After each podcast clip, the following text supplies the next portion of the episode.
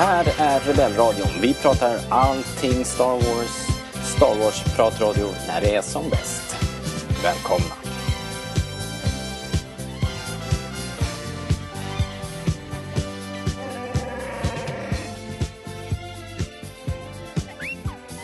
Du lyssnar på Rebellradion, svensk Star Wars-podcast i samarbete med starwars.se. Och jag, som hälsar nya och gamla lyssnare välkomna, heter Robert Lindberg.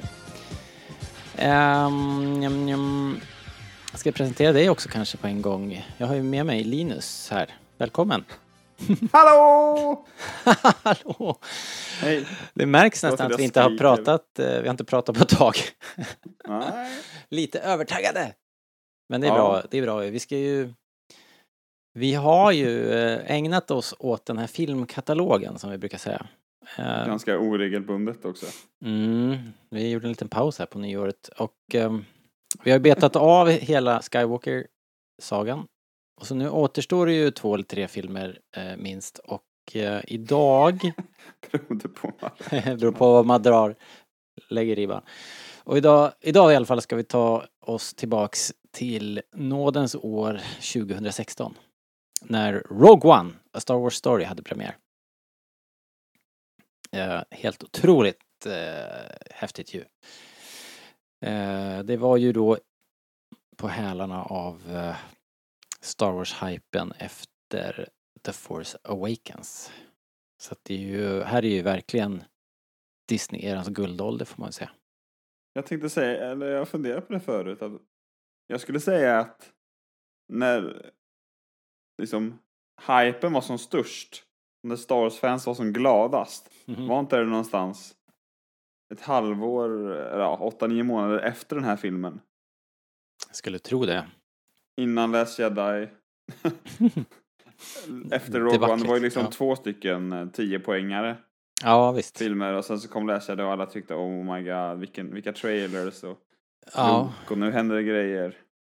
hög aktiekurs och sen så hade de ju matat på med celebrations årligen och sådär så det var ju Och jag har varit där också. Ja, exakt. Det är flera av oss många som vi känner var faktiskt där. Så det var ju verkligen hås och alla var på gott humör. Vad nice. Ja, verkligen. Jag var ju faktiskt på den, ja, jag vet inte, den bästa eller den näst bästa celebration. Det är svårt att toppa den här Anaheim 2015 upplevelsen kan jag tro. Mm. Eh, men det var jävla tryck i luften även 2017 i Orlando mellan Rogue One och Last Jedi. Ja, det måste ju nästan ha varit, ja i och för sig då. Men det, den måste ju också ha varit sjukt håsad. Alltså alla måste ju, som du sa, det här är ju när alla är som gladast och så var det den, den celebration du 40-årsjubileum var på. också. Ja, precis. Så att det hände Shit, mycket grejer då. Tungt, Alla alltså. var glada liksom. Det fanns inget att gnälla på. Lite rebels sådär ja, men det, är ju Rebels, liksom. ju ingen om. Liksom, och gnälla, det var väl ingen som, även om det knorrades. Så hade ju som inte riktigt gett upp rebels än heller. Nej, och den hade ju Hoppet levde lite. ja. Fortfarande. ja, och sen så var det ju så mycket på gång. Vi visste att det kom mer filmer och grejer, så det var ju häftigt. Ver verkligen kul. Och det är i och för sig inte sämre nu egentligen om man, om man eh, liksom väljer, vi har, ju- nu har vi gått igenom alla de här filmerna och vi har ju varit väldigt tydliga med, eller ja, ja det har väl varit, vad vi tyckte och vad vi hur man kan tänka på dem och eh, liksom välja sina fighter lite grann så finns det ju alla anledningar att vara superoptimist nu också. Det kommer ju otroligt mycket Star Wars. Mer än någonsin ju nu så att egentligen är vi ju i guldåldern nu. Men det är klart att en viss uh, utmattning kanske brer ut sig också. Det är ju, det är ju mycket att ta in och mycket att konsumera också. Ja, men sen också så var det väl just då, det var ganska oskuldsfullt fortfarande. Alla tyckte att Rogue Ja. One var jättebra, alla tyckte Force Awakens var jättebra. Mm. Eh, och alla tyckte inte att The Last Jedi var jättebra. Oavsett vad du och jag tycker, men det var Nej. liksom, Nej men det visst. var, det var glada miner överallt. De här två första var ju inte eh, vattendelare på så vis som det kanske blev sen. Men Mm. eh, vi, om vi ska återgå till formatet här, en liten, den här tangenten. Det var trevligt i och för sig att att komma, komma ihåg allt det här härliga. Men vi brukar ju då ta en titt på världen i stort, alltså det som inte är direkt Star Wars-relaterat, vad som händer 2016, bara för att placera oss själva i tiden. Uh, det kanske är oftast är det ju kanske mer relevant när vi pratar om 70 och 80-tal men, men vi har ju ändå gjort så här. Och 2016 då? Det låter ju som nutid, som häromdagen, men det är ju faktiskt fem år sedan nu när vi spelar in. Och eh, för att friska upp era minnen då så var det så här, det här var vad som var på allas läppar och hornhinnor 2016. Um, Alicia Vikander blir första svenska på 41 år att vinna en Oscarsstatyett. Hon var nominerad och vann i kategorin Best Supporting Actress för sin roll som eh, Gerda Wegener i The Danish Girl. Det var ju stort. Ja, tråkig film dock. Jag har faktiskt inte sett den. Eh, men det, ska jag faktiskt göra ändå, trots att du säger sådär tråkigt. Ja, alltså den är ju, den är ju sevärd i den eh, liksom aspekten att eh, vad heter hon, Alicia Vikander och Eddie Redmayne spelar väldigt bra. Han var ju också Oscar-nominerad. Det här var ju året efter han vann för den här, vad heter den, Theory of Everything, Stephen mm, Hawking-rullen. Och de spelar ju bra, men filmen var ganska tråkig. Mm. Vi coola kids tyckte på den tiden att, eh, att Vikander borde vunnit för X-Mackorna istället som kom samma år. Ja, just det. Ja, hon var ju on Där var hon nästan bättre tyckte jag, men det, det, man kan väl också tänka sig att hon fick den lite för båda kanske. Kanske det, kanske. Uh, sen har väl The Danish Girl ett, ett rätt tydligt eh, LGBT-tema uh, som ju inte sitter fel när man jagar Oscars Nej, kanske. det låg ju rätt i tiden också på något sätt. Ja. Eh, jag skulle bara säga också att före henne senast så var det Ingrid Bergman för mordet på Orientexpressen som vann eh, för Sverige då. Ja, Om man ska vara sån. Eh, på den globala scenen är det som vanligt stökigt 2016. Eh, Sverige tar plats i EUs säkerhetsråd. Det krigas mot Isis i Irak, kuppförsök i Turkiet, lastbilsterrorister plågar Europa och Donald Trump svärs in som USAs 45 president. Och Storbritannien röstar ur sig själva ur EU. Um, ehm, en liten ljusglimt fick vi ändå när Colombia gör uh, upp med Farcgerillan och en 50 år gammal konflikt får ett fredligt slut och det genererar i sin tur ett fredspris till El Presidente Juan Manuel Santos. Cred till Colombia. Verkligen. Rock'n'roll har ett mörkt år. Uh, Lemmy Kilmister dör i, runt årsskiftet. Uh, Lenny, Lem, Lemmy, sa jag Lenny? Lemmy. Vad fan är det då? Motorhead-sångaren, herregud. Jaha. Uh, David Bowie försvann, Prince, Olle Ljungström, Fredde Wadling, Leonard Cohen, för att nämna några. Eh, å andra sidan så vann ju Bob Dylan Nobelpriset i litteratur. och eh, OS går av stapeln i ett moln av Zika-virus. Eh, Jenny Rysved tog guld i mountainbike, Sara Sjöström gjorde såklart processen kort och tog guld på 100 meter fjäril bland annat.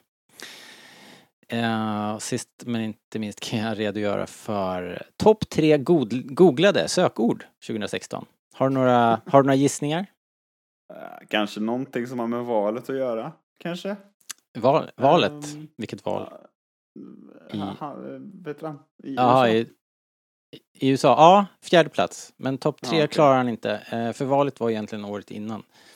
Så det här var ju... Alltså, East Generoso Race Mom, tror jag är nummer ett. ja, okej. Okay. Nej, fotbolls-EM 2016 var tredje plats. Åh, oh, jag var ju där iPhone 7 var på andra plats, googlade folk jättemycket. Och eh, på första plats var det Pokémon Go. Såklart. Såklart, naturligtvis. Så var det med det. Det var året 2016 in review. Ska vi skita i det och prata Star Wars nu kanske? Ja. Let's do it. Uh, vi kör igång. State your name for the record. Jin Urso. Forgery of Imperial documents. Possession of stolen property, aggravated assault, resisting arrest. On your own from the age of 15, reckless, aggressive, and undisciplined. This is a rebellion, isn't it? I rebel.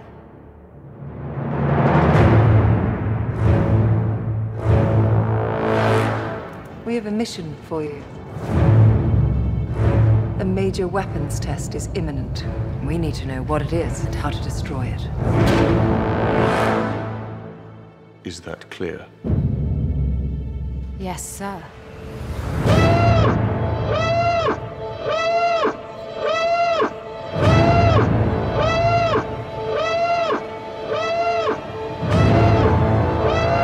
What will you do when they catch you? What will you do if they break you?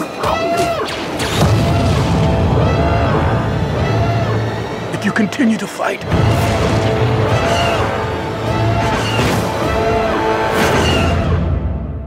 What will you become?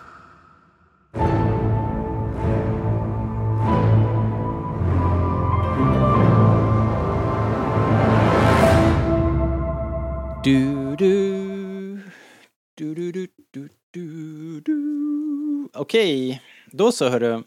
Ska vi prata Rogue One? Det här var ju liksom inte en sagafilm då. Eh, det är ju helt oerhört. Rogue One, A Star Wars Story. De hade tänkt att kalla de här filmerna för antologifilmer. Hade inte det varit ganska nice? Det var alltså Star Wars Anthologies, Rogue One, var väl originaltiteln, eller man ska säga. Jag vet inte, jag tycker, jag, jag gillar ju... Jag gillar ju lite det här barnfilm, sagoväsen-grejen. Ja, det är inte så tokigt heller. Star Wars Anthologies, det är lite... Det låter lite som så här bortklippta scener. Det är också korta historier. Man kanske hade förväntat sig många små short stories Ja. då, på något sätt, i samma. Jag, jag, är, alltså, jag associerar det direkt till Beatles Anthology och det är liksom så här... Ex, det är.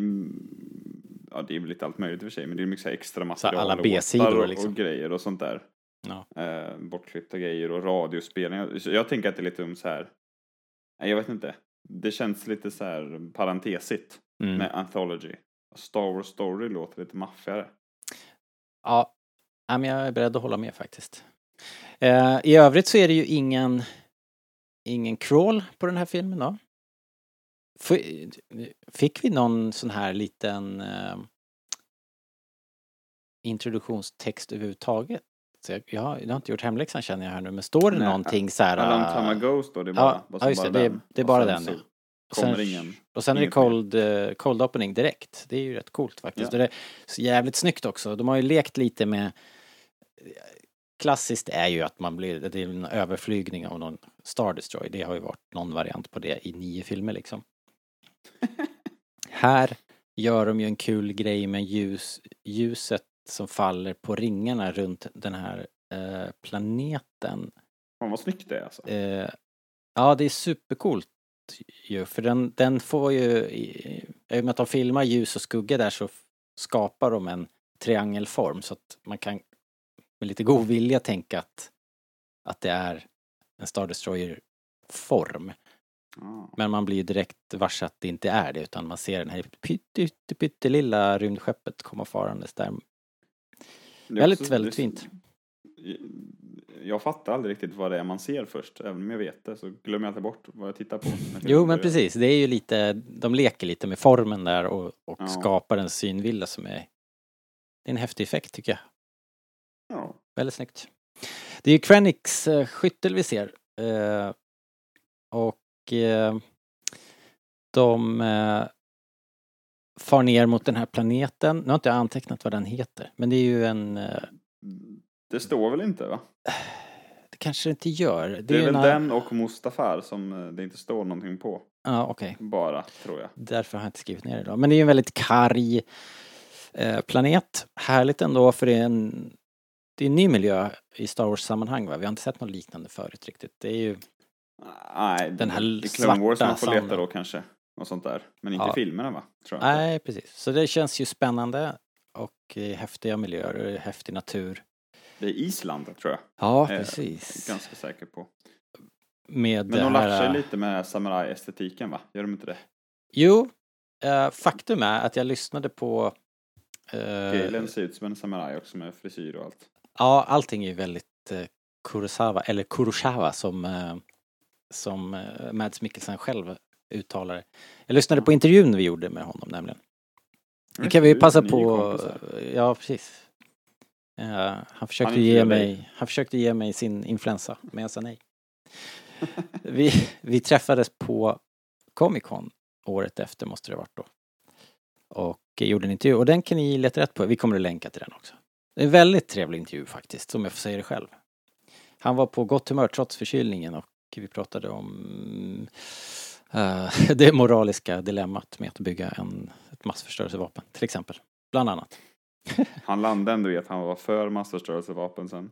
Ja, han tyckte det. det. Bara man är nyfiken får man bygga vad man vill, menar han. Jag vet inte. Jag vet, jag vet inte. Jag nickade ju såklart bara och höll med eftersom han är Mads Mikkelsen. Men jag vet inte så här i efterhand. jag tycker ni ska lyssna. Mats What the hell are you talking about? Eh, men lyssna gärna på den och eh, make up your own minds helt enkelt. Eh, I alla fall. Han, han var också inne på det att det här var ju väldigt Kurosawa-inspirerat och det kan man ju inte sticka under stolen med. De står där i det höga gräset och Det är bara att kolla på Och, hans frisyr och kläder egentligen. Det inte med det. Ja, ja och Och vädret och vinden och eh, det karga landskapet och det svartvita nästan blir det ju liksom. Ja, för allting Ja. är i gråskala redan från början på Island. Och sen, eh, och sen så är de så... Ja, och sen så är det de är ju så satans coola här. Det är vilken otroligt stark scen det här. Jag älskar den här inledningen. Visst känner man liksom av direkt att det finns en historia dem emellan? Ja, För alla som inte har läst Rogue One Catalyst också. ja, just det, boken som Som, kom. in, som jag inte har gjort. Men, Nej. men bara så här innan Synd de ens börjar prata liksom. De bara tittar på varandra. Och Ja. sådär. Sen har man såklart den här lilla konversationen med så innan i bakhuvudet. Som också är, är, är bra. När eh, jag tycker att man, de etablerar det så snyggt direkt. Att Ja. eh, han säger det i Galen. Whatever I do, I do it to protect you. Säger han ju till, till Jyn. Det Lilla återkommer vi ja. till. Ja, exakt. Eh, Det får ju hon av sin far då. Exakt den där orden. Jo. Och, och morsan Lyra, hon säger mera trust the force. Vilket är intressant. Ja, men det, det är också någonting väldigt, tycker jag. Alltså annars tycker jag när de pratar om kraften i Star Wars så är det väldigt så här. Det är ganska flummigt liksom. Mm. För, eh, men här är egentligen första gången jag tycker det känns att man kan relatera till det själv. Att det känns nästan lite jordligt för oss. Att Ja. man i svåra tider ber till högre makter. Sen råkar det heta Force här och det kanske heter något annat när någon av oss säger det. Mm. Jag tyckte det, tyckte det var en rätt snygg vinkel på det. Och i den här filmen så är ju den vinkeln den vinkeln vi får kan man ju säga eftersom det inte är några jedis med egentligen och till och med de här äh, som är, har så har vi kommit till det men vi träffar ju människor som har varit nära jedis och så de är också mer där de, de ber om eh, kraft liksom. Mm. Eh, de lutar sig mot kraften fast vi inte egentligen ser någon, någon, något bevis på att eh, Ja, ja, det kanske vi gör. Det kan man diskutera kanske. Men inge, vi ser ju ingenting som leviterar eller, eller far genom rum eller så liksom. Utan Nej. det är väl i så fall, om kraften ingriper i den här filmen så är det på ett större, större plan. Ja. Eh, Okej. Vader borträknat då. Eh, eh, ja. Men, eh, ja, Mm. skit i han. Eh, ja, men det är en iskall konfrontation. Farming, really? A man of your talent. Jag tycker det är briljant. Eh, jag tycker att Krennic här eh, direkt, supercool bad guy. Eh, utan att vara liksom en så här mustasch twirling. Han framstår ju mer som en så här desperat, lite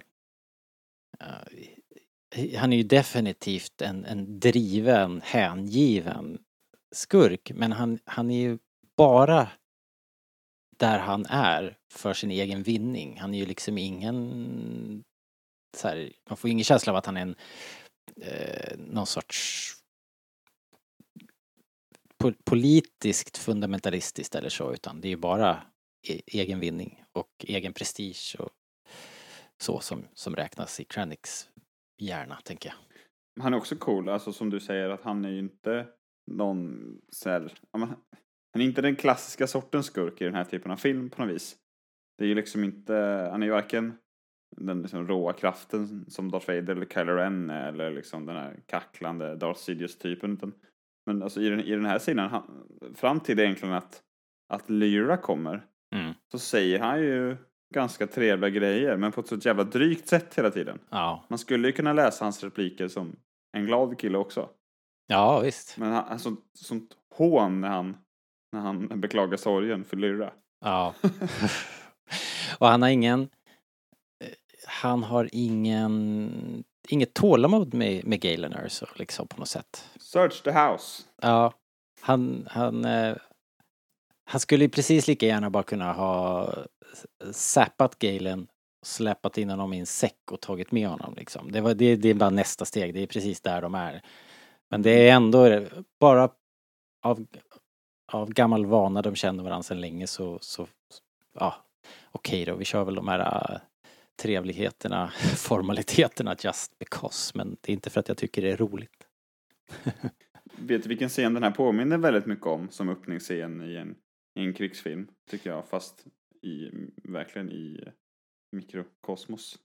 Eller Ingenting som- mikrokosmos. I, ingenting som jag, som, som jag har på, på tungan. Det är egentligen ganska olika grejer men på något sätt är det väldigt samma grej. Men jag tänker på öppningsscenen i Inglourious Basterds. Ja, just det. Det är inte helt olikt och sen så är det också att jag sett den här bollen i rullning med dottern och, och det där som är ju såklart ganska Just likt. det. Just det. Men eh, det är, inte, det är lite samma feeling fast den är Mm. liksom mycket längre och svulstigare och sådär men det är någonstans den scenen i Star Wars översatt liksom. Mm. Och det gillar man ju. Och lite grann samma typ av skurk. Uh, ju Ja. sån här, en väldigt, eh, ja men överambitiös uh, kappvändare som gör vad som helst liksom. Som är in it for the fun li- lite Ja, grann. lite så liksom. Ja, lite njuter, lite, njuter lite för mycket av sin, Ja. sin egen makt på något sätt. Ja. De fortsätter ju ha en konversation där de pratar lite grann om det här med vi var ju inne lite grann på Mads Mikkelsen, vad han, hur han resonerade kring det här dilemmat med att vara vapenforskare och sådär. Men här är i alla fall Galen Erso ganska tydlig med att det där är inte någonting som vi ska hålla på med liksom. You confuse peace for tyranny, säger han ju. Medans, eh, ja, Krennic är You inte... have to start somewhere. ja, precis. Det är lite läskigt, alltså man skrattar men det är också lite så här läskigt för att man kan ju liksom applicera det på grejer som, man, som händer Mm. på riktigt. Jo, jag skulle säga det också att Krennic är ju egentligen en väldigt eh, relaterbar skurk. Han skulle ju lika gärna kunna vara skurken i, eh, inte vet jag, något, något mer... Inglourious Basterds. Ja, ja, det sa vi ju precis, men, men eh, ja, precis, vi har redan sagt det. För han är ju en, en typ som skulle kunna dyka upp i vilken, vilket drama som helst egentligen. Ja, inte, ja precis, inte bara liksom en actionskurk heller. Han känns Nej, ju, han skulle kunna vara i Wolves of Wall Street eller vad som helst liksom. mm. Ehm, Och det är jag, faktiskt kul inte med en helt ny sorts skurk i Star Wars. Att även, det, vi kommer ju väl prata mycket om allt som är nytt och annorlunda i den här filmen. Jag tycker han träffar ju, eller man träffar helt rätt med honom som en Mm. helt ny typ av skurk. De, alltså Krennic-typerna innan har vi mest skrattat lite åt för att de varit så här lite roliga bakgrundsfigurer. Så här Piet liksom, vilken lirare. Men, eh, men här får han faktiskt utrymme och det är ju, jag vet inte, de vecklar ut liksom ytterligare ett hörn av galaxen. Och det är kul. Ja, och inget lätt jobb heller att, att skapa en trovärdig, lite läskig bad guy för en sån här film när man har liksom Darth Vader som den eviga måttstocken och ribban att ta sig över. Så det är ju bra gjort. Men det är ju väldigt väl castat vi säga. nämnde ju aldrig det, vem som har skrivit och regisserat. Kanske vi ska passa på att klämma in där, att det är Gareth Edwards som regisserar. Uh, Yes. och eh, det är Chris Weitz, Weitz. och Tony Gilroy som har skrivit. Tony Gilroy ryckte ut och, och regisserade på slutet också. Uh, ju. Och det är han som skapar Andor-serien också kan vi ju säga. Mm, han skriver och ska... Nej, vi vet inte om, om han ska regissera i och för sig, men han skriver. Och John Knoll eh, har ju bidragit till med storyn. Det är ju en sån här liten rolig anekdot att det var han. Han är ju en special effects-gubbe egentligen på Lucasfilm, Mm. men det var han som eh, liksom traskade in på Kathleen Kennedys kontor och sa jag har en idé. Så det var han, han och Gary Whitta som är författare har skrivit massa Star Wars-serier och kanske någon bok. Men det, visst Eh. var det här hans första... Var, var inte det här hans första um, Star Wars-uppdrag? Witta? Han skri- Aha, ja. så kanske det var. Och sen har han väl kommit att skriva serier också. För jag tror att det här... Möjligtvis, kanske att han har varit med och sk- skrivit något spel eller något sånt där. Innan. Det vet låter jag bekant ja. Ja men så var det. Men eh, han skrev ju något utkast här. Och sen så Ja. skrev väl de om det. Så han har väl någon form av credit fortfarande. Han har en story Eh. by credit här i alla fall. Ja, precis. Mm. Eh, för, och Chris Whites vet jag inte om han var med från början, men jag känner ju Chris Whites som, för att han ihop med sin bror skrev, och jag tror att någon av dem även regisserade den, kan ha varit den andra brorsan, skrev om en pojke. Jaha, ja just det. Den såg jag faktiskt inte för inte så länge sedan. Den är Bra jävligt film. bra. Eh, Ja. Det är det. Den håller. Eh, Okej, verkligen. det var ett eh, ytterligare stickspår. Vi eh, slarvade bort det där. Men, men eh, då fick vi det sagt i alla fall. Oh, ja. Uh, Alright. Uh, Galen försöker ju mörka här för att tanken är att Lyra och Gyn ska springa till ett, eh, ett sånt här gömsle. Eh, men, men Lyra verkar inte hålla sig till planen riktigt grann. eh, eller riktigt utan hon, hon väljer att gå tillbaks för att försöka konfrontera Krennic och rädda Galen då. Eh, och drar en pistol och eh, det hela urartar ju ganska snabbt där. Men till och med här så är ju Krennic iskall och, och liksom bara men i, trots att han har ertappat uh, Galen med världens lögn här eftersom Galen har sagt att hon är död och liksom. It's a miracle. Ja, it's a miracle. Eh, Så han är ju så otroligt kylig och ganska, det är väl det som gör att han är lite läskig.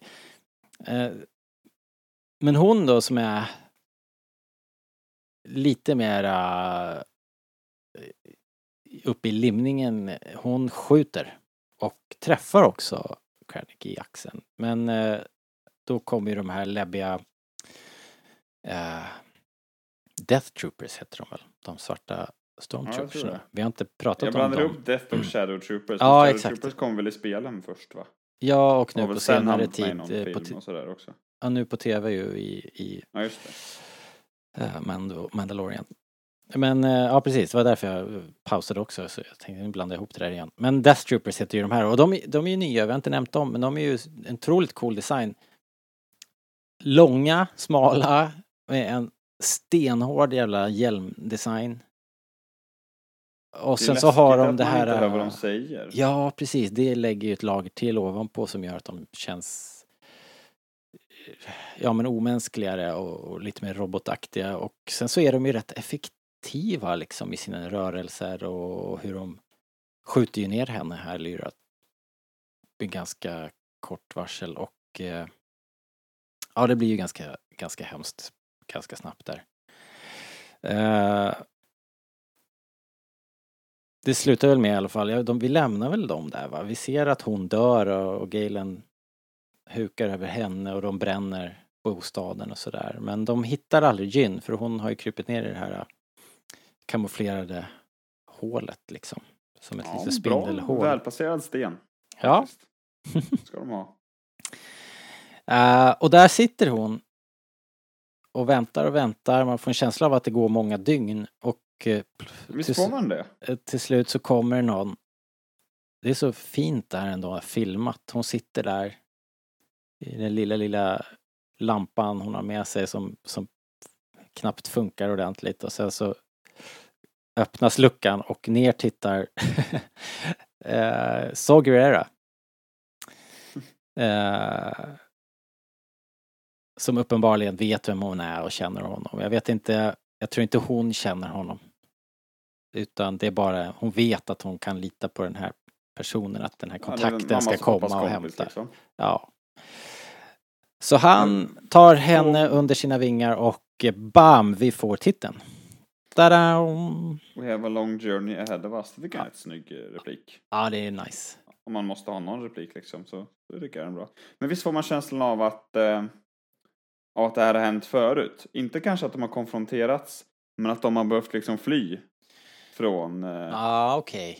Att det inte Från första Krennic. gången de... Fast Ja men så här, Så. han är här, du är svår att hitta. Det som- kanske har varit ju nära som- ögat några gånger liksom. Tänker Ja jag. precis, det känns som att de har ändå någon sorts protokoll för vad som händer när de är hittade. Ja, visst. Och, eh, och så läser jag också lite in att eh, Lyrell så här, är nu liksom en gång för alla, jag är less på det här. Liksom. Ja, Jag får lite den känslan av hennes agerande. hon är helt klart mer... Alltså hon... Hon börjar bli less. Ja, desperat och eh, hon vill ju inte att Galen ska försvinna helt enkelt och det kan man ju sympatisera med.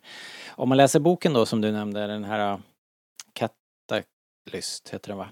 Eh, Catalyst, tror jag. så får man ju lite mer av liksom Lyra och Galens relation och man får lära känna henne lite grann. Det var länge sedan jag läste den här nu, det var i den här vevan. Och, men i alla fall så hon är den i det här paret som är mera politisk och mer aktivist. Och Hon verkar med idealistisk relation med, med, exakt, så det är väl med därför hon... kraften och det var bättre förr. Och, Ja, och sen så, så är det ju hon som drar vapnet här liksom. Hon är ju, konfronterar ju den här övermakten då, så det, ja, det ballar ur. ja, nej men bra jäkla inledning på den här filmen. Den här inledningen är väl tio minuter kanske och eh, riktigt jäkla stark början. Jag älskar inledningen på den här filmen. Jävligt lovande. Jag minns tydligt att vi satt i, i salongen och när, ja, när det här introt kom då, eller alltså där vi slutade nu, Mm. så Disa viskade vad bra den verkar. Liksom. Mm. Och så kände nog alla, är min känsla. Det känns man ofta återkommer till och hyllar den här scenen. Mm. Det tycker jag. Jag tycker att den håller än idag. Det är inte bara nyhetens behag liksom, som man kan känna ibland med en ny Star Wars. Den är sjukt man- snygg också. Ja, ja. Vem är det som filmar egentligen? Ja, det är väl någon. Det är någon. Står säkert här någonstans om man bläddrar runt lite grann. Ja, den är jävligt snygg i alla fall. Men det är ju miljöerna också och Ja, men all design. Hela det där lilla bostaden de bor i med. Man får en, lite blåmjölk får vi där och liksom den här roboten man får se, droiden i början där. Allting är så himla klockrent och det fortsätter ju bara. Vi kan ju lika gärna bränna av det nu då. Designen, hela produktionen är ju så sablans klockren alltså. Vi har ju sett mycket Star Wars nu på sistone och den här filmen tycker jag då, då eh, gör, ju, gör ju Star Wars helt rättvisa med hur den ser ut, hur all teknik ser ut, hur alla jävla konsoler ser ut, hur alla människor ser ut. Och det här vet jag att vi skojade om i Rebellradion innan uh, The Force Awakens. Att först måste alla liksom och låta sina mustascher växa ut liksom. Sen kan vi börja spela in Star Wars. Och det har de gjort i den här filmen. Alla ser ut som att de kommer ur en direkt ur en, en 70-tals polisserie så här, med stora polisonger och stora mustascher liksom. De gillar disco i alla fall. Det är jävligt mycket flares överallt. Eh, långa skjortsnibbar kan man tänka sig.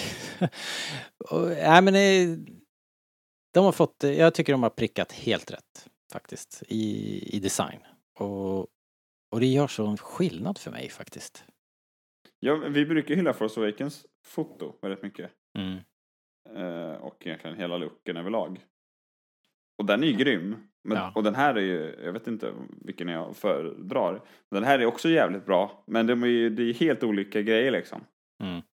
På något vis.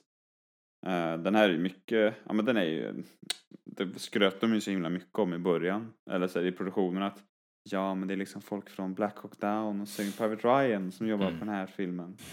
Ja Eh, just det, det var så det var ja.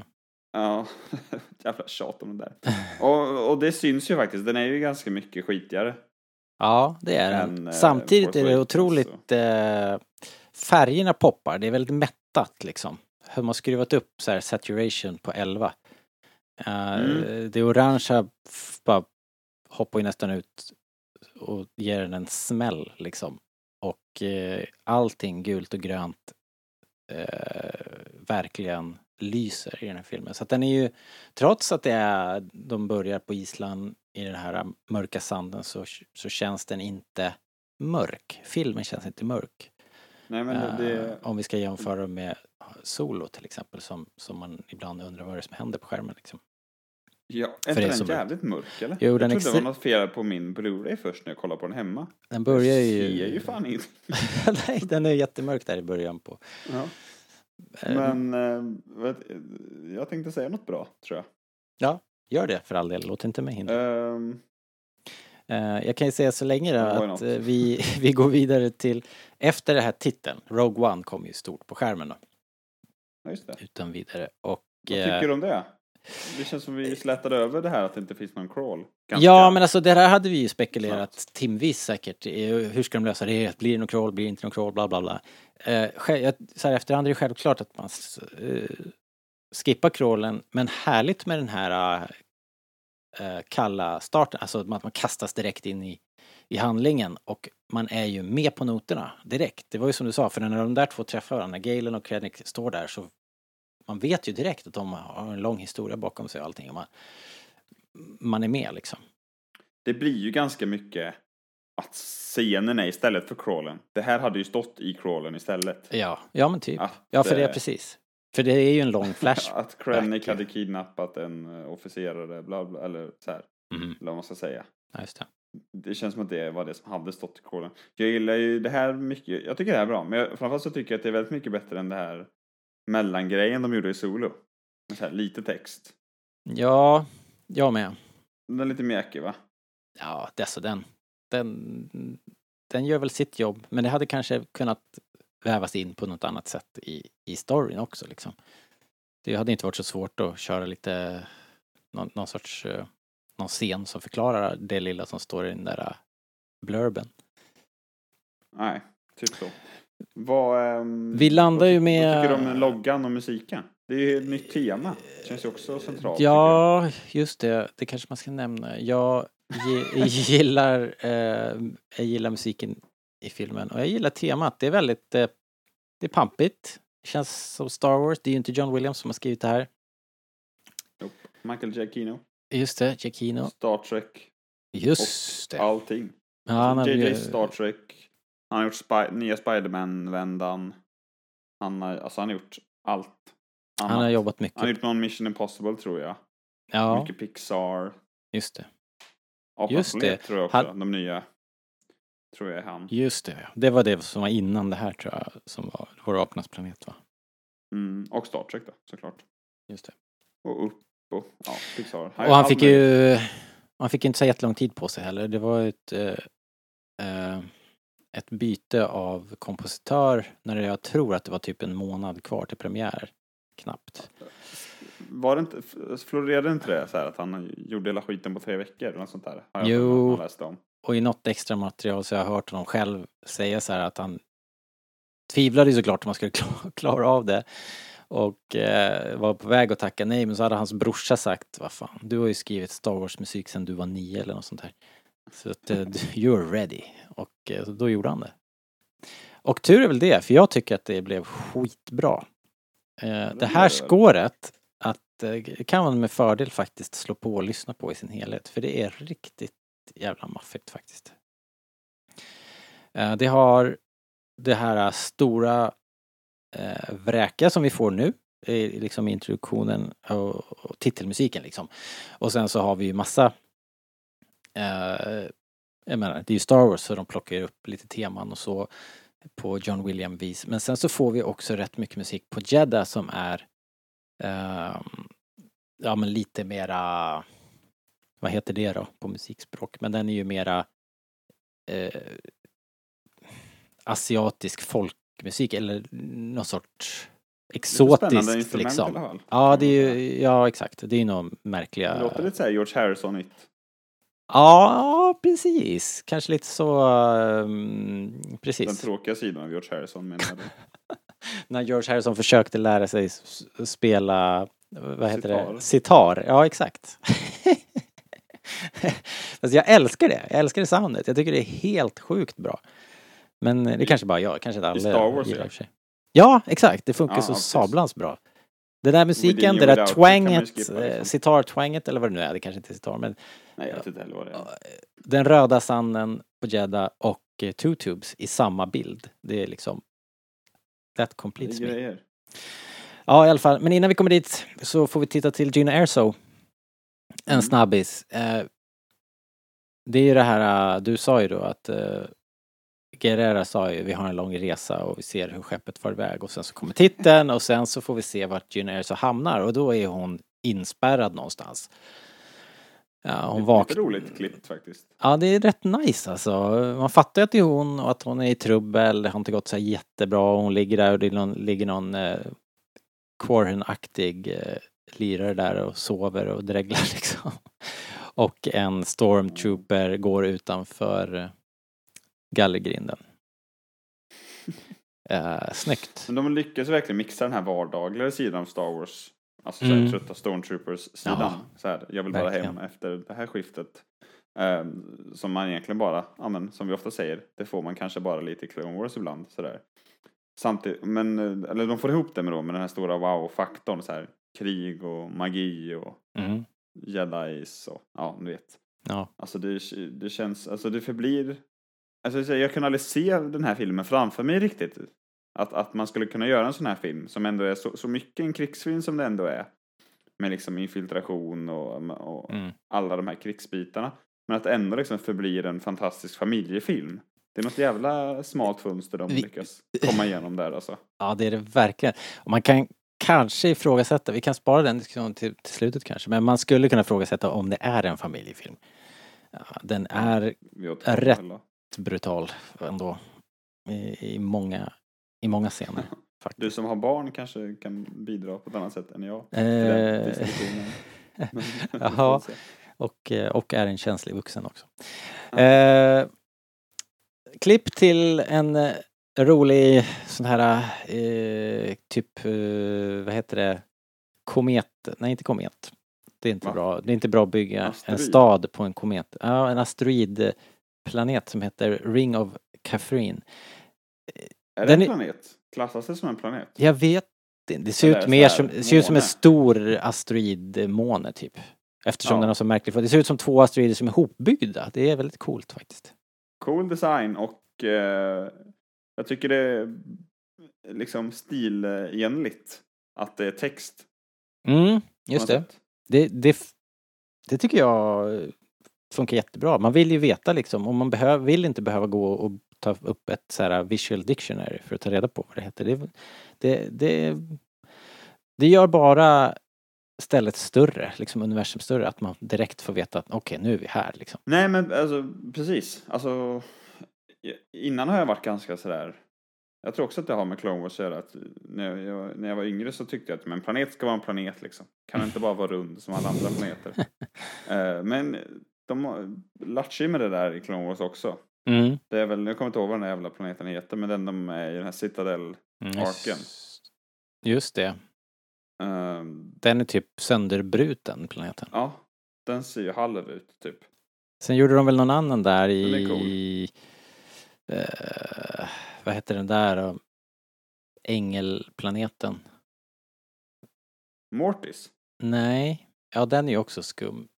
Den har ju mer, ser ut som en holocron typ. Men jag tänkte inte på det, jag tänkte på vad är det Anakin säger? Han säger till Padme Are you an angel? Och sen så säger han att det finns änglar på någon planet. Och de, är på den där planeten sen ju i Clone Wars. I heard a deep space pilots talk about them. ja, jag kommer inte ihåg vad den heter. Men den, säger. den jag för mig också är sådär Mhm. Kärnan ligger bar liksom på något sätt. Sprucken på mitten. Men eh, i alla fall, om det nu är en planet då. Det står bara så här på Wikipedia. Eh, att det var a mining colony and deep space trading post in the Catherine asteroid belt of the Thand sector. Ja. Vad, vad fan är det man sitter och läser? Det känns som att den här nördgrejen har gått lite långt. Nej, vi skiter i det här. Men... ehm, ja, det är coolt i alla fall. Men det är ju väldigt så här, äh, den är, det är ju en äh, häftig bild. Äh, man undrar för en sekund vad är det jag tittar på eftersom den ser ut som en spegelbild av sig själv eftersom det är två städer som har vuxit upp på mitten på något sorts äppelskrutsaktigt vis liksom. Väldigt cool design. Kul och lite, lite och som den där otypiskt för Star Wars. i Episod 9. Ja, lite grann, precis. Det för att det som sticker, sticker ut som någonting från Star Trek nästan. Det gillar man ju inte. Uh, ja, det borde man inte gilla, kanske. Eh, men det gör man ändå. Ja, det gör man kanske. Det var kul att hetsa. Men sen så klipper Men, de ju eh, direkt ner till basaren där och vimlet och det är ju en otroligt cool plats. De har, jag tycker verkligen att de, den känns rätt trovärdig och, och vimlig och ljudbilden är skön och... eh, Känns det inte lite så här östasiatiskt inspirerat? det här? Jo, jo, precis. Det är ju som det? The Grand Bazaar i Tangier liksom, eller någonting. Och sen Diego. Luna smyger omkring där. Nej, inte jag heller, jag bara hittar på. Cassian Andor springer där. Uh, massor av folk, massor av aliens och, och mat. Man känner nästan lukten av så här stekt eh, bläckfisk typ. Och, eh, Som man inte borde äta. Nej, den rör, äter ingenting som rör på sig liksom. Och sen har vi, vi ser också att Imperiet har närvaro där vi ser Troopers och vi hör dem och sådär. Och, Cassian Anders ser ut som en hemlig agent. Eh, Han, eh, man ser att han tar in allting och spanar efter någonting och han är på väg till ett hemligt möte. Det är väldigt bondigt, tycker jag. Ja det är det, det är väldigt agentigt Är det inte direkt. det? Jo det är extremt och det lovar ju verkligen gott. Vi ska ju få en tv-serie med, med mer sånt här hoppas vi. Alltså jag hoppas att alla avsnitt bara är så här. Att han bara går runt. Ja. aktar sig för Stormtroopers. Och så har han i sin jacka liksom. Jag tycker verkligen att han för det här tuff jacka-arvet i Star Wars vidare. Verkligen. Skit i täckjackearvet är safe. Eh, liksom, han, Ja. ja. han drar verkligen Man sin ska fan inte strå till er. underskatta en bra jacka i Star Wars, tycker jag. Nej. Nej, jag säger det. det. De har gjort allting Ja. rätt. Nästan, i den här filmen. Det är som när Solo har, han har en stor päls i eh, A Star Wars Story Solo. Ja. Och, så, och i uh, Force Awakens så har han en enorm vinterjacka. När de är på Starkiller Base. Också bra jackor. ja. Ja. Eh, finns säkert en bok om Star Wars-jackor. Ja. Eh, misstänker jag. Önskar, jag, jag fyller 25 snart, Robert. Jag önskar mig Lukes gula jacka från ceremonin i Episod 4, så du vet. Ja, Okej. Noted. jag går, jag går, du får Wish-varianten. Det är okej, antar jag. Antar jag. Ja, i alla fall, hemligt möte i gränderna med en, en kontakt, supernervös. Eh, Tivik. heter han det? Han ser ut som Ja. Pablo Hidalgo, eh, tänkte jag direkt när jag såg den här på bio. Eh, Jag tycker han ser ut lite som eh, kycklingmannen i Toy Story 2. Fast med hår. Okej. Eh, fast eh, det var det nog inte. Eh, I alla fall, eh, den här liraren då pratar ju väldigt nervöst och snabbt. Det är uppenbart att eh, Cassian, han är ju försenad till det här mötet. Den här liran, han, han måste iväg, han ska med något skepp. Och han snackar om en avhoppad pilot eh, som som alla pratar om. Eh, det är liksom det, det snacket på stan. Och det pratas om ett supervapen som får sin kraft från kraftkällan i Kyber-kristaller. Jag vet Borde man ju inte. fattat, som vi pratade om någon annan gång. Jag, jag skulle just fråga det. Fattar Svensson vad det här är liksom? För att det kommer lite mer, långt senare i filmen kommer det mera Kyber-lore. Nej, nej, nej. Men i det här tror inte- läget så kunde det lika gärna ha varit kryptonit eller vad som helst liksom. Jag tror inte liksom Disa som är så här, ja, hon har sett filmerna. Jag Just tror inte hon har snappat upp vad Kyber är liksom. Jag tror inte hon har någon jävla aning. Jag tror, jag tror inte ens min mamma som har sett filmerna flera, väldigt många gånger. Och även på bio väldigt många gånger. Nej, men eh, för det är ju inte säga en- vad Kyber är. Nej för det är ju inte en grej i filmerna. Det är inte en grej. Det är ju en Clone Wars och eh, Extended Universe-grej egentligen. Ja, som de spelgrej antar jag. Ja, precis. Ja. All right. Eh, I alla fall, Jag, sa, jag, jag slängde ur mig att han var en bra skådis förresten. Och det är han väl. Men jag menar kanske framförallt att han är bra castad. Alltså han ser ut som... Ja men jag är från Skövde och han ser ut som han jobbar på Volvo liksom. ja. Det, det, det, jag tycker det är också Man i linje känner- med stilen och ja, men lite den annorlunda genren den här filmen har. Att det är liksom inte en, en leading man, tuff kille de har. Som Nej. är den här rebellkontakten. Det är liksom inte... Men han det spelar bra, man känner stressen. Toro Liksom. eller ja. Lando liksom. Det är, ingen, det är ingen tuffing. Nej. han är liksom skadad. Det är, det är en random. Ja, verkligen. det tycker jag är så jävla kul. eh, och bra. Och det är likadant att man tänker sig kanske, ja nu kommer de skjutas ut här liksom. Mm. Som de hade gjort i vilken annan film som helst. Det är bara att kolla på Solo eller ja, alla filmer. Ja, alltså, jag vet inte, det här utvecklas ju ett ganska annorlunda. häftigt... Ja, det ja, precis. Jag hade nog inte förväntat mig någon skottlossning här överhuvudtaget. Utan jag hade, det hade lika gärna kunnat klippt till någon annan scen någon helt annanstans. Men, Men, jo, men jag menar, ja, jag vet Ja. inte. men det får ju en, en, en otroligt spännande twist. Eftersom de här stormtroopersna kliver runt hörnet och undrar vad snackar ni om liksom? Eh, Så jävla, så jävla oklar bortförklaring han har. De vill liksom se hans papper. Han bara, ja, jag ska bara hämta mina handskar. ja, just det. Vad fan ska man inte göra handskar till? Men nej, de Star Wars-handskarna har ju liksom lite knappar på sig på manschetten så, här, så det kanske har med det att göra. Ja, lite Bara, eh, Humor, man. Jag, jag bara killgissar här. I alla fall, han skjuter ju, skjuter ner den där truppen i alla fall. Pang bom. Helt eh, kallt. Och eh, då ballar ju den här li- liran, Everyday Man, ur fullständigt. Bara, Och nu det har man heller aldrig sett förut. Nej. Den här, Leia typ så här, håll tyst. Men det är inte riktigt samma sak. nej. Nej, den här jag. okylan, den här stressen och den här... Och det är väl också helt schysst, eh, liksom, en del av historien att, att folk är så rädda liksom. Och, och den här killen är ju uppenbarligen ingen hjältetyp utan han, han har ju han har tagit, han tagit ett jobb här som han ångrade i samma sekund som han sa ja liksom. Um, ja. De droppar väl också Galen Ursos namn och Saw Gerrera får vi höra om också här. Eh, så de, de får vi lite exposition på. Men sen då så för att ta sig ur det här så skjuter ju Cassian Endor den här kontakten i berått mod det, point blank i magen liksom, eller i bröstet liksom. Han står och lugnar honom och så skjuter han honom. Det är så otroligt jävla kallt. Eh, och chockerande när jag såg det på bio. Man, man, eller hur? Man blev ju chockad av det där. Ja, jag minns också jag var så här, åh, det verkar nästan som man kommer skjuta honom liksom så här. Men det är klart att han inte kommer göra. Och så gör han det. Bara, Ja.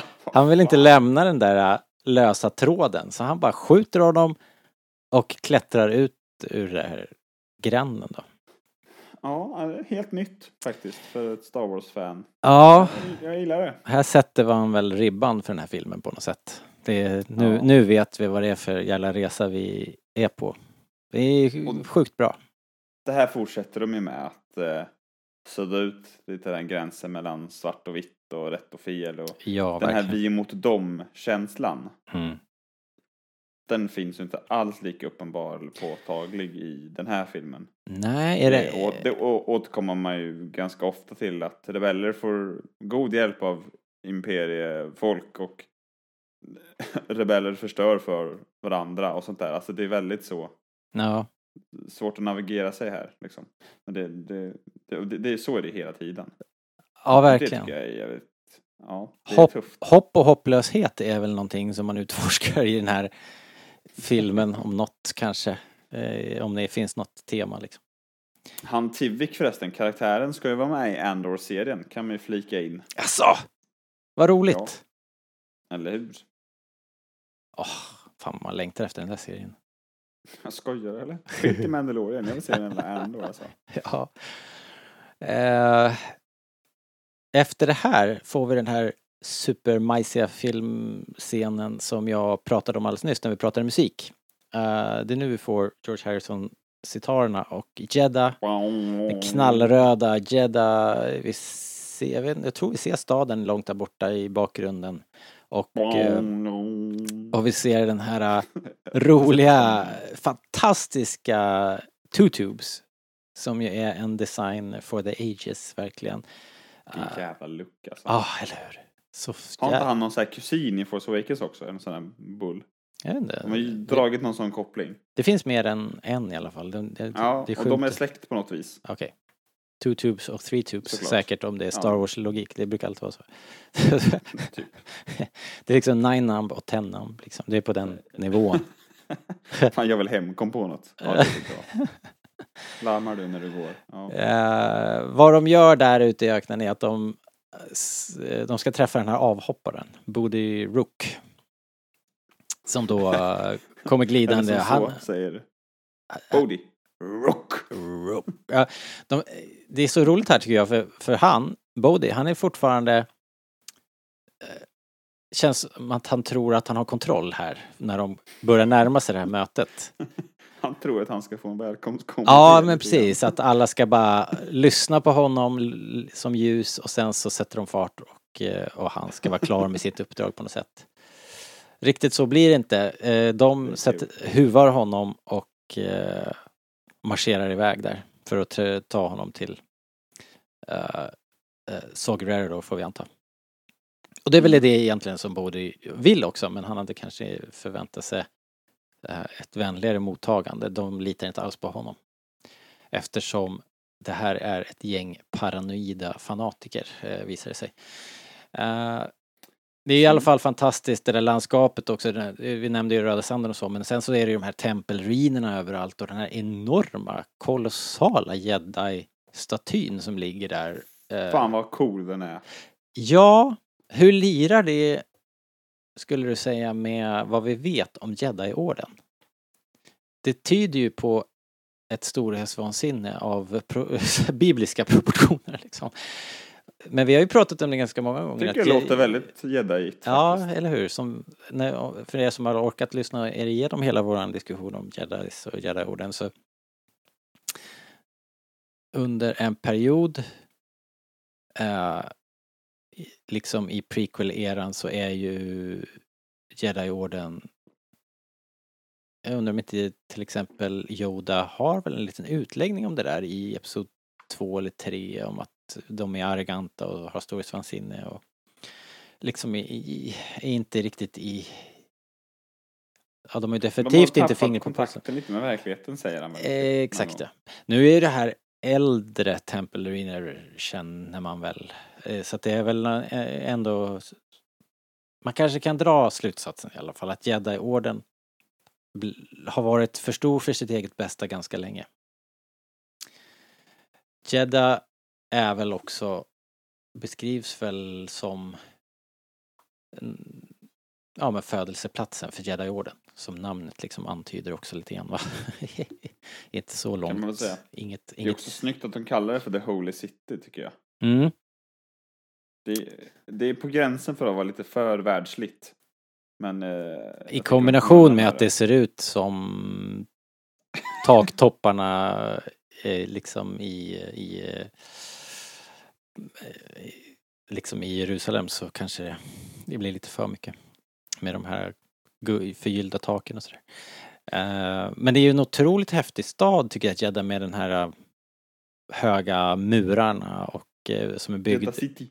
i Jeddah City, byggd uppe på klipp, eh, på platån där. Och sen kompletteras ju looken av att eh, Imperiet har parkerat en Star Destroyer ovanför. Det jävla bildjävel. Eller hur? Det är så satans coolt.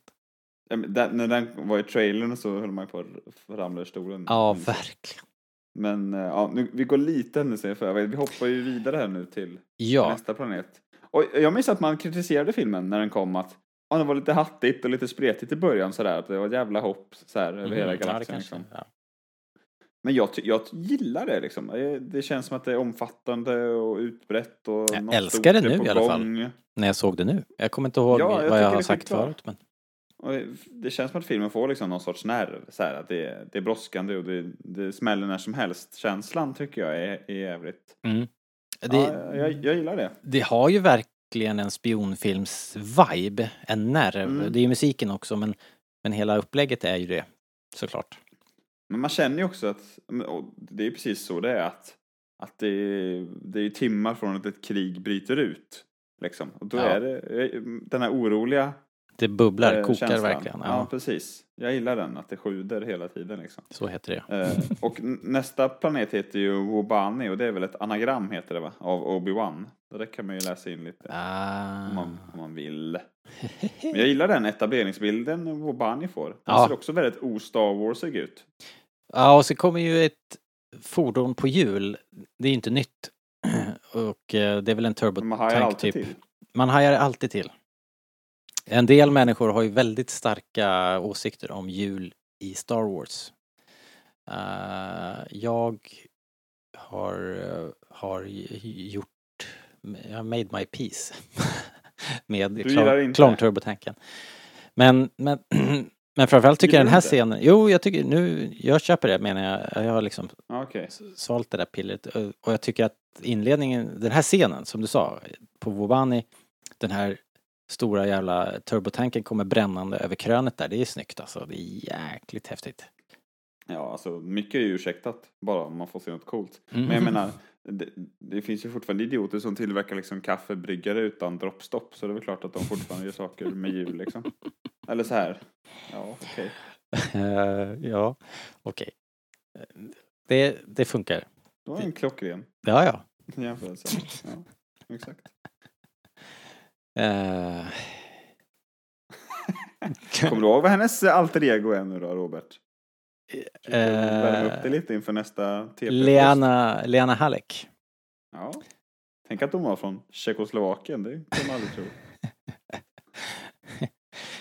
Ja, ska man, ska man eh, flyga under radarn så är det väl där man ska vara. Hon eh, är ju trubbel igen här, eller ja det är väl samma trubbel egentligen. Hon är på ett fång, det är ett, det är ett fång, arbetsläger. Wobani. Ja. Ser jävligt dystert ut faktiskt. Och hon är ju i den här transporten och eh, skitiga, som du sa, trötta troopers liksom. Eh, Den här fordonet stannar. Troopersna fattar inte varför, vad är det frågan om, vad håller vi på med? I thought we had everybody. Ja, precis.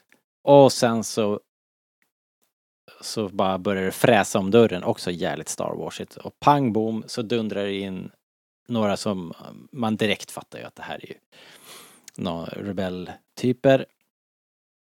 Eh, gör ju processen kort med de här troopersna i alla fall.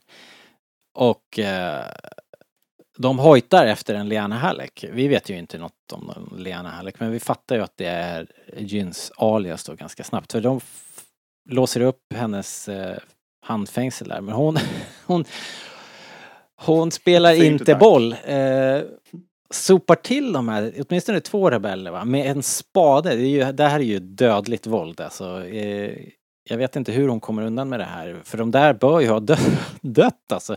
Jag vet inte. Hon tar i för kung och fosterland i alla fall. You're rebels, aren't you? Ja. Springer ut genom dörren, rakt i armarna, bokstavligen under armen på den här droiden, Kato SO. Congratulations! You're being rescued. Det är faktiskt bra. Ja, väldigt, eh, man fnissar ju, han smackar ju ner henne i backen där. Please don't resist. Det You're är kul med våld faktiskt. Eh, Landar man ändå i. Slapstick-våld, slapstick-övervåld. eh, vad är vad det är. Eh, Det är bra grejer. det är svårt det är- att tänka sig hur, kan du tänka dig något mer ont än att få en sån där örfil av K2SO? Ja, det skulle vara få en örfil med en, en skyffel. Från Ja, Kobani Labour Camp då Ett järnspett, liksom, typ, i facet. Ja, Ja. ja. Ont. Eh, hon eh, ser Hallå, ut... K2, vad, gillar du honom direkt? Ja, Det det, det är ju Skrattar omöjligt, att inte aha. gilla. Ja, precis. Jag vet inte hur mycket vi mis, visste innan eh, liksom, filmen om K2. Han, han måste ju ha förekommit i någon sorts promotion-material, tänker jag. Jag minns inte som att han, alltså så här, jag min, BB-8 var ju överallt. Mm. Men jag minns ju inte som att eh, de, tryckte så mycket på K2 i trailers. Han hade väl kanske någon så här halvkul one-liner. Men jag, som jag minns det så var han lite en, en överraskning. Ja, jag har en känsla av att han är med i trailersarna och han, han har någon, någon line där också. Inte det med när han kastar den här granaten och det där men, men han har ju ett väldigt eh, han är väldigt likable när man ser honom. Han har väldigt snälla ögon. Resten av honom är ju egentligen ganska skräckinjagande men ögonen är snälla. Han ser lite bortkommen ut sådär. Ja exakt, sätt. precis.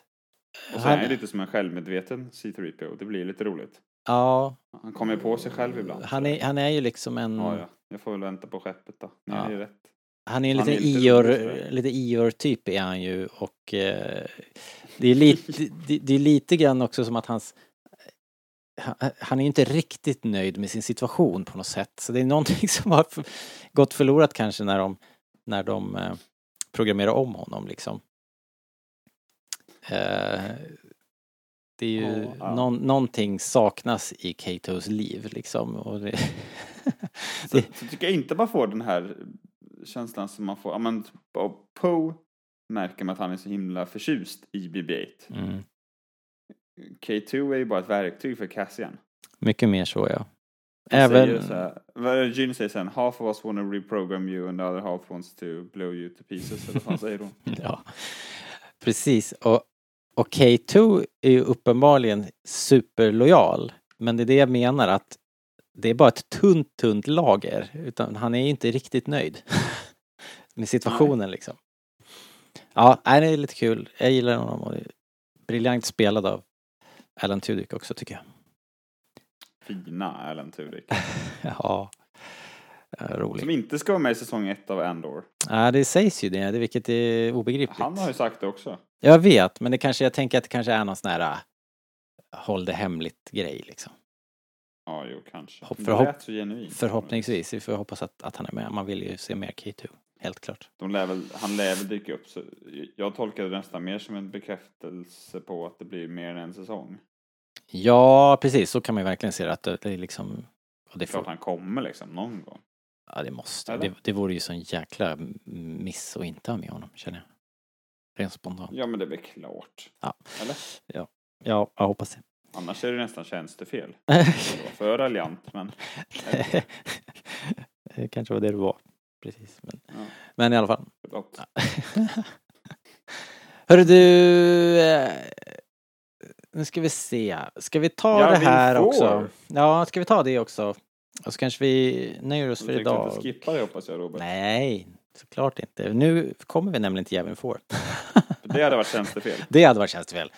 kan jag tycka. Och, Ja, de är PVN får, men... men eh, men vi skiter i det. Nej men det var otroligt coolt ju. Inflygningen till Jäveln får. Man blir ju glad. Såklart. Musiken, Musiken, vyerna. Guatemala. Guatemala, eh, CGI-pyramider, runda pyramider. Vad heter det då? Jag vet inte. Koner. Runda pyramider tror jag. Det här är ju- Turistmål? Jag tänker som att det är ju en grej att åka till Tunisien och kolla på de här jävla... Ja men det är väl det här också. grejer. Det är folk som är här också, vet jag ju. Det är så? Det är Ja. bara att åka dit liksom? Jag har en kusin på. som har varit där. Jag vet inte om han fattade var det var han var någonstans. Men han har varit där i alla fall. Eh, Jag vet inte om han fattade. nej men att det var helig mark liksom han gick på. Det vet jag inte. Du har förskjutit honom nu då, förstår jag. Eh, ja. eh, och det är också helig Star Wars-mark och det är helig rebellmark vi är på. Det här är ju, ja men alla vet, ni vet. Vi ser, de flyger in under den röda Javin och, och är på den fjärde månen och sådär. Det är ju magiskt ju. Och det här Det är högkvarteret. så billigt, men det funkar så bra. Så det räcker bara att se och så höra musiken och en X-Wing. Ja, men så här. Men det är, Det är inte, ju- det är inte bara att de smäller upp den där skylten utan det är ju välgjort också. Det ser ju helt Ja, men, rätt jo, ut. men det är alltså. klart. Det är klart att det, det är extremt väl återskapat och det är även Absolut. interiören sen. Och vimlet, interiören, alla skepp och droider som rullar Ja. omkring. Ah, det är så härligt. Det är jävligt bra. Det är som en varm filt. Ja. De gör det så det är så satans bra. Vi har ju redan varit inne på det, men, men allting här med alla paneler, alla maskiner, allting är rätt. Eh, de leder in Jyn då till någon sorts stormöte och förhör kan man väl säga. Eh, I det här mötet då så har vi ju rätt många kändisar ändå, förutom Jyn. En ny karaktär som heter General Draven i och för sig, men De, de kommer ju ut en efter en här. Ja, Mon Mothma, Bail Organa är väl där va? Ja, han kommer ju. Han får ju värsta entrén. han kliver han- in ja. Kommer lite senare. Eh, General, Men hallå, Draven? ja, är han en Ja, nygammal? Karaktären vet jag inte. Nej. Skådisen minns jag inte vad han heter. Men honom känner jag igen. Omedelbart från en annan film som jag tycker om väldigt mycket och har sett väldigt mycket. Och jag är rätt säker på att du gillar den väldigt mycket också. Mhm. Rush. Ja, just det. Han är, Han är ju så tv-reporter där som dyker upp. Ja, det är korrekt, korrekt. Och- Berättar var alla ligger i säsongen. Fan, jag bara, vad fan det är han? Så här, samma frisyr och allting. Fantastisk. Ja, just det. Också 70-talslook liksom. 70-talskompatibel ja. Ja, verkligen. ja. han ha. Han är bra här. är Han, jag, han, han, är, han är tung. Ja, han är, han är bra. Alla ser, alla ser väldigt bekymrade ut i rebelllägret och han, han, han spikar den looken liksom. Han känns som att han har hoppat av Imperiet. Alltså Ja, armén Kanske. på något vis. jag skulle säga det, jag ska bara dra de här som är där. Det är Mon Mothma också ju. Eh, det här är ju du, du blir ju alltid till det när Genevieve O'Reilly dyker upp och eh, Fina Genevieve. ja, hon är ju hon är ju så himla bra som Mon Mothma bara för att hon är så porträttlik. Och sen så har vi Bail Organa som vi sa och sen har vi någon eh, General Merrick som inte är en gammal bekant men han blir ju allas eh, darling här som Blue Leader med sin mustasch och allting. Han är ju så fantastisk. Och sen har vi En General... glad kille. Ja, han, är, han älskar sitt jobb. General Dodonna har vi också. Eh, som ju är en karaktär från de ursprungliga filmerna, bara han var väl en bakgrundsfigur. Eller håller han föredraget förresten när de ska uh, gör, anfalla dödsstjärnan va? Är det han som börjar snacket där vid de här eh, knackiga animationerna av- dödsstjärnan och det är när de förklarar Det är Janne ja. det är han ja. Yes. Eh, vi, om du kommer ihåg, och ni som lyssnar, om vi hade någonting att klaga på i eh, eh, The Rise of Skywalker så var det att den här typen av scen, eh, när det, när det liksom byggs upp för någonting stort, när ett anfall är på gång eller en operation, en militär operation ska dras igång så saknade vi tyngden i eh, sequel-filmerna därför att det vart mer någon sorts så här eh, det fyras gäng som planerar ett, ett, ett, ett litet bus eller någonting. Ja, det har varit lite väl mycket så här animerade Tintin-serien. Ja, alltså det var lite så här bara... Åh Milou, eh, nu är det bäst att vi är försiktiga. Ja, men på något sätt ingen, ingen militär kompetens. Man fick ingen, ingen känsla av att det var en, en militär operation som var i, på gång. Det får man här tycker jag. Jag tycker att här gör de det Mm. bara ytterligare en sak som de gör asbra i den här filmen så är ju den här typen av exposition ger så himla mycket till känslan för filmen. Eh, att, att eh, själva eh, eh, man känner att det gäller någonting liksom. Det byggs upp på ett fantastiskt bra sätt. Man känner att det är mycket som står på spel. Och eh, man känner också frustrationen i rebellrörelsen och även om vi inte ser det just här så ser vi ju sen att rebellrörelsen inte är en enad rörelse. Den är splittrad och det är många viljor och det finns otroligt mycket tvivel. De vet inte riktigt hur de ska göra liksom. Vågar vi liksom? Men det är väl lite det jag menar för att den här vi mot dem-känslan är verkligen inte Nej, så vi mot domig här. nej, de Det får kämpa fortfarande för att hålla ihop sina, det här liksom, projektet. sina alliansen. kompisar. Ja. Det här förhöret bra. i alla fall, ja det är asbra. De, de drar igång ett förhör av Jyn kan man säga. De klämmer ju åt henne ganska hårt direkt här och, och konfronterar henne med massa sanningar från hennes liv. De, Draven listar upp liksom allt som hon har på sitt rap shit. Olaga vapeninnehav, eh, vad är det, urkundsförfalskning, grov misshandel, rymning, våldsamt motstånd. Ja, Känns som att hon är lite stolt över det. Ja, hon är... det har hon Ja. samlat på sig under årens lopp liksom. Och Tack, det, tack. det är ju hennes vardag de senaste 15 åren, för hon säger det också att hon blir ju konfronterad med att hon känner, dels att hon är Galen Ursos dotter, vilket ju är en blunder från Imperiets sida att de inte har listat ut det, att de hade henne, den här juvelen liksom.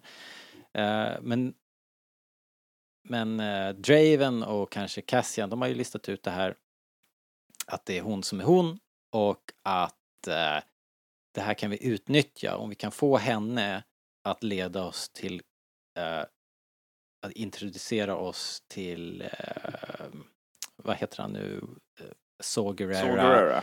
Så eh, ja, det är vägen in och sen så kan vi hitta Galen. Eller den här piloten letar de väl efter va förresten? När jag tänker efter. Det är piloten, Bode Rook de är ute efter först och främst. Som ju är på Jeddah hos så. Ja, precis. Och, Det och. och det är ju det här, de vill verifiera att supervapnet är verkligt och för det behöver de få tag på den här avhoppade piloten. Så det är det som är själva tråden här eh, som de ska springa efter. Jyn vill ju som vanligt inte spela boll. Hon eh, bara stoppar huvudet i sanden och eh, vill inte, vill inte vara med på några rebell-shenanigans överhuvudtaget. Hon vill inte helst ens liksom reflektera över att eh, imperiet håller på att ta över allting liksom. Eh, utan det är bara att ligga lågt så går det bra. Jag har gjort det i 15 år. Jag har inte träffat varken min far eller Saw Min far är antagligen död. Det är väl eh, hennes ståndpunkt här. Men jag tycker att Cassian är så cool i den här scenen. Han, han vet precis vad hon är för en typ. Och Mm. vet vilka knappar han ska trycka på, han har alla fakta han behöver, han kan lägga fram det där så att till slut så har hon ingen väg ut riktigt utan hon blir tvungen att gå med på det här eh, dealen då att de ska åka och eh, åka till Jeddah, försöka hitta Sogerera och eh, leta rätt på piloten. För att eh, som en morot då få henne återförenad med sin pappa, vilket ju är kanske det enda som hon bryr sig om i den här världen. Så det är bra. Det är jäkligt bra. Det känns som riktiga stakes. Jag tror att det här är Star Wars, det är en saga och allting, men det känns ändå riktigt tycker jag. Det är bra. Det är bra. Nämnde jag att det, jag gillar det här? Ja, du sa det. Ah, det här är bara första 20 minuterna av filmen. Och vi har lagt sju timmar på det. Det är Ja. lite Rise of Skywalker eh, ja. Sara här alltså. Japp. Eh, Hmm. mm. Det, Ja. det är väl dags att, att göra ett break då kanske. Så att folk Ja. får gå och ta en kisspaus, äta lite mat och sen så komma tillbaka till del två nästa vecka. Uh, Woho! yay! Vilken fantastisk start på den här filmen. Jag Ja, vill, alltså, jag vill ju liksom gå, jag, det är så här bra är det att vi har pratat om den en timme nu. Jag har just sett filmen, jag har pratat om en timme och nu vill jag gå och kolla på den igen. Så bra är det. Det är fan, Men det grejer. också tycker jag, lite som man sa, att, ah, eller som jag sa, att många var ganska eniga om att ja, men den andra hälften var bättre än den första, eller andra halvan. Och det här är ändå riktigt jävla bra. Ja, Redan, tycker jag. ja. Ja, Ja, ja vi, ska, det vi, ska, vi ska fortsätta dissekera såklart. Men du, eh, då rundar vi väl av då. Tack och adjö för idag. Vad jobbar du med nu igen? Eh, ja, inom banksektorn. Nej, det gör det inte. Ja, ja. Eh, vad heter det? ibland. Ja, ja. Ja, precis. Leker affär gör du kanske? Ni leker väl inte bank? Gör ni det? Nej, inte jag. Ja, Barn nu för tiden. Eh, de leker så här börsklippare. Vad, vad, vad är du lille vän? Vad ska du bli? Så här, jag ska bli, jag ska bli investment banker. Är det det de vill nu, barnen nu för tiden? Det och, eh, och eh, Youtubers. Ah, ja, Nej. skit i det. Ja, Vad heter det? det? sistnämnda. Jag jobbar ju på Söder nu för tiden. Ja, okej. Vad var Influencers. Alla vill bli Jaha, influencers. åh. Söder. Mm. Mm. Nej, men det är fint. Jag gillar ju Söder. Du, eh, ska, precis. Stäng av det här fort, Cassian said I had to. Vad heter det? Vi är nöjda för idag då. Tack för idag. Det var jätteroligt. Kul att vara igång Ja. igen. Vi har ju, vi har ju som sagt hållit uppe här flera månader. Eh, det är därför vi låter som vi har, har uh, rökt uh, heroin. Det är också därför vi pratar lite längre om, jag vet inte, typ Island. Ja. Det faktum att de har ändrat Star Wars-musiken. Liksom. Ja men det där är ju, vi har pratat, det blir alltid det där, jag är så dålig på musik. Det är alltid du som tar upp det och så säger du så, har du hört det här? Har du reflekterat över det här? Så säger jag bara nej. Det har jag såklart inte gjort eftersom jag är tondöv. Men eh, jag måste slänga in, slänga in en sista fråga då som avslutning på, eh, på den här podden. Ja. Eh, Du, du hade ju någon kusin som har varit där i Guatemala Mm, eller vad det mm, var. mm. Eh, vilken så Star Wars location skulle du helst åka till? Ja, det finns så många nu för tiden ju. De har ju lagt, eh, lagt på ett gäng, men eh, på sistone De liksom. har sprängt min budget Ja, för det har de. turnén. Oftast är de ju så svårtillgängliga också. Eh, liksom. Försök åka till Skellig Michael du. Ja, den till exempel. Men bara att ta sig till Norge, till Finse, är svårt. Man Jag tänker, mig att det borde vara enkelt i Norge liksom. ja, men det är mitt uppe på Hardangervidda där det finns inga vägar dit, man måste åka tåg liksom. Och så vill man ju vara där mitt i det är vintern dessutom, vilket ju aldrig underlättar någonting för någon. Mm. Eh, Kan så att- du bara köra ett eget tåg då Robert? Eh, det är inte så det funkar. Men Jag tänker att du gör som i. Fury Road där, att du bara viker av. Ja. So long suckers! I'm going to Gas Town. Men du, eh, vad ska, du själv då? Om jag nu säger, om jag nu säger. Guatemala och i andra hand Finse, vad säger du då? Alltså det, det är någonstans svårt att, hur cool man än vill vara, så det är väldigt svårt att inte säga Tunisien och Lars Homestead-huset. Vet att jag har lite sand från Tatooine i en burk? Riktiga Tatooine. ja, Ja, det, det hedrar dig. ja, Det skulle, det skulle, ja. Det, på med mig och ta med mig lite sand hem. ja. Det, Um, det, jag tror, man får nog inte göra det egentligen. Fan ska de göra då?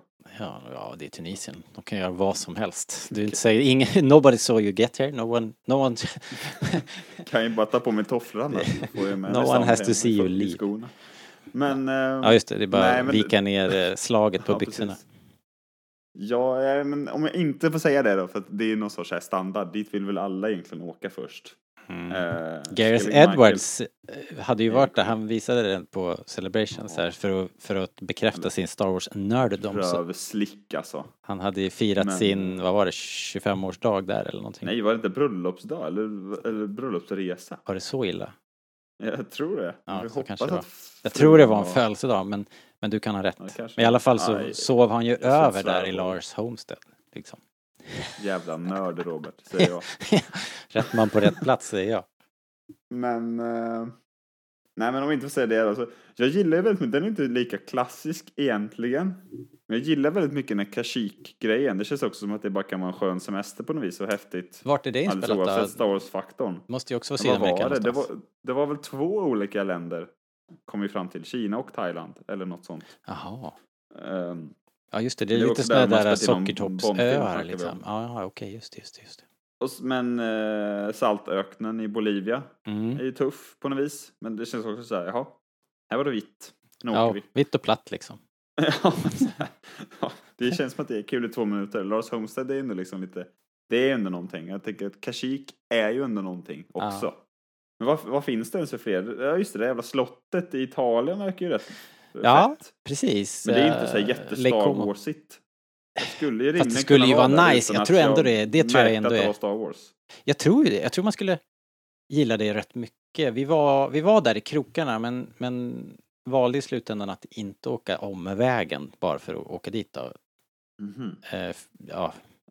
Men, men däremot så var vi- del, men Där, men däremot så råkade vi springa på ett Indiana Jones location när vi var i Venedig. Och det var jätteroligt. Så att jag menar, jag tror att det skulle... Fan grymt. Jag tror Jag skulle... varit i Venedig. Vad fan, varför letade jag inte upp det för? Vad fan gjorde jag en hel dag där? Ja, ja jag, vet, jag vet inte. Men jag menar, jag menar bara att det gav så mycket Trots att det egentligen bara var, jag menar det var en basilika på ett torg liksom. Det var inget, det, liksom, det fanns ju hur många sådana som helst i Venedig. Men bara att vi visste och kände igen oss gjorde ju att man blev glad. Jag tror att man skulle man komma och se Ah, de där terrasserna och torget Ja, eh, ja, det är klart. så skulle man nog tycka att det var fräsigt alltså. Det tror jag säkert. Och sen, Jag- jag så, känner- och sen är man ju i Italien. Det är ju inte fel. Ja, det är inte dumt. Men alltså, jag tänker den här, att vara i Norge liksom. Så här. Mm. Ja, det var snö här i år igen. Alltså, Men där är ju ändå ett hotell. Jo men, det, jo, men det är väl nice att gå på tur där. Och sen så har du ju... Ja, men jag menar själva platsen. Jag, jag antar att de har något jätte så här, nice museum och, och så. Men jag menar, det är inte så att man känner igen sig. Om jag skulle skicka en bild på mig själv. Skulle inte du bara, åh, det är ju Hoth. Ja men de har ju listat ut allt det där. Du kan ju, de kommer ju hjälpa dig att hitta exakta vinklarna. Den här bergskammen är här. Liksom. Ja, så. Men sen så är hotellet speciellt eftersom det är all, de bodde ju där liksom. Så, Ja, du, det- bo, så det du bor ju på det det, hotellet där egentligen. produktionen bodde. Ja det är ju liksom, det är ju egentligen det som är grejen tycker jag. Ja, okej. Och alla stories. Och sen så har de ju en liten festival där nu som heter, Klart de har. vad det nu heter. Men, eh, Festival of the Ancestors. ja just det.